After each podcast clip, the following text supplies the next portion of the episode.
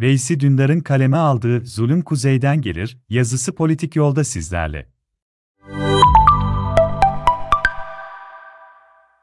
Putin'in Ukrayna ile kedinin fareyle gibi oynamasının üzerine hemen herkesin zihninde bir Sovyetler Birliği hayali canlandı. Özellikle Biden'in bu ifadesi bundan 31 yıl önce tarih olmuş bir anının tatlı ve tatsız yönlerini gündeme taşıdı. Peki bu olası mı? Sovyetler Birliği yeniden hayata döner mi? Biden Sovyetler Birliği derken aslında neyi kastediyor? Bu soruların cevabını aramak için daha önce de değindiğim Fukuyama'nın Tarihin Sonu kitabının tezine dönmek gerekiyor. Fukuyama için sosyalizmin yenilgisi kifayet ediyordu. Kapitalizmi tehdit etmeyen bir sosyalizm olmadığı sürece çatışmaların tarihi de bitecekti. Sosyalizm ideali olmadan da Rusya topraklarının dünyaya barış ve huzur getirmeyeceği gerçeğiyle yüzleştik. Sovyetlerin yıkılması aslında reel sosyalizmin tarihe veda etmesi demekti. Sovyetler Birliği'ni kimse savaşta falan yenmemişti. Sovyetler kendi kendini çürüten bir sürecin kurbanı olarak tarih sahnesinden neredeyse sessizce çekildi. Sovyetlerin yüz ölçümü 22,4 milyon kilometre kareydi.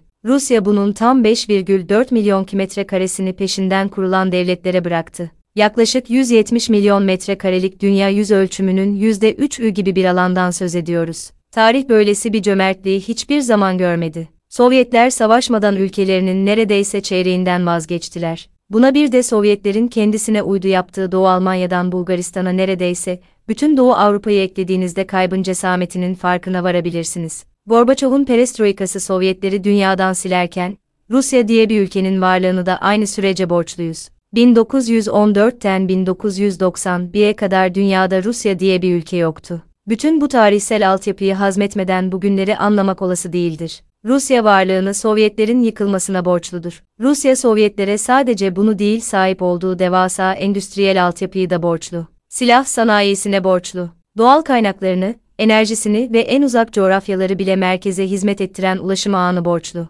5,4 milyon kilometre kare toprağa karşılık böyle bir bakiyeye mirasçı olmak fena bir alışveriş olmasa gerek. Bugün Putin'in Sovyetler Birliği'ni yeniden canlandırma projesinden bahsedildiğinde akla gelen tabii ki komünist öğretinin canlandırılması değil. Eski bir KGB ajan olsa da Putin'in favori filozofu, din halkın afyonudur diyen Mari değil. Tam tersine en iyi dostu Rus Patri Kiril. O zaman Sovyetler Birliği'nin tekrar kurulması denildiğinde anlaşılması gereken, bu 5,4 milyon kilometre karelik kayıp toprak. İçlerinde Azerbaycan'dan Ermenistan'a, Kazakistan'dan Tacikistan'a, Litvanya'dan Estonya'ya onlarca ülkenin yer aldığı bu kaybın telafisi üzerindedir tartışma. Peki koskoca Amerika Birleşik Devletleri Başkanı'nın işaret ettiği bu yeniden inşa faaliyeti mümkün mü? Ukrayna'nın sınırlarıyla oynamanın kolay olduğu gibi geri kalan sınırları da yeniden çizmek olası mı? Bu soruların yanıtını bugünden vermek müneccimlik olur. Ama yine de savaşın politikanın farklı araçlarla devamı olduğunu akılda tutmak gerek. Eğer yeterince güçlüyseniz ya da güçlü hissediyorsanız yeri geldiğinde politikanızı zor aracılığıyla da kabul ettirmeye çalışabilirsiniz.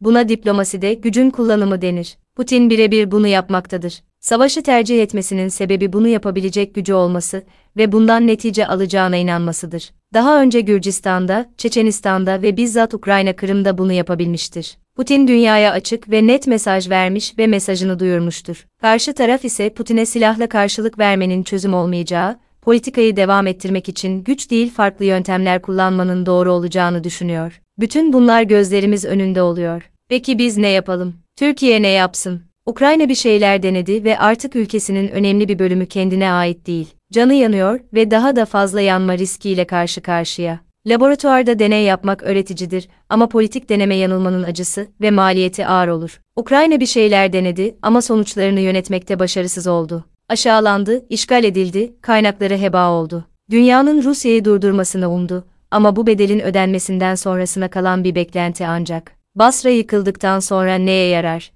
Ben Erdoğan'ın miladını 1994'e tarihleyenlerdenim. Türkiye Sovyetlerin yıkıldığı günden bu yana neredeyse kesintisiz Erdoğan tarafından yönetiliyor ve bu 27 yılın son 10 yılında idol olarak, rol model olarak görülen bir Putin'den söz ediyoruz. Bugün bu yolun yol olmadığı çıkmaz bir bataklık olduğu bir kez daha teyit edildi. Ayının dansının ayı istemeden bitmeyeceğini anlamış olduk. Türkiye Avrupa'nın, Batı blokunun, demokrasinin yanında olmadığı zaman kendisini neyin beklediğini bir kez daha gördü. Zulüm kuzeyden gelir sözünün boşa edilmiş bir lakırda olmadığını anladı. Ülkenin kurucu değerlerinden zerre şaşmanın maliyetini gördü. Bundan sonra ayarlarla oynamadan, ülkenin ve insanının huzuru için Türkiye'nin demokrasi ayarlarına daha fazla müdahale etmemek yegane çıkış yoludur.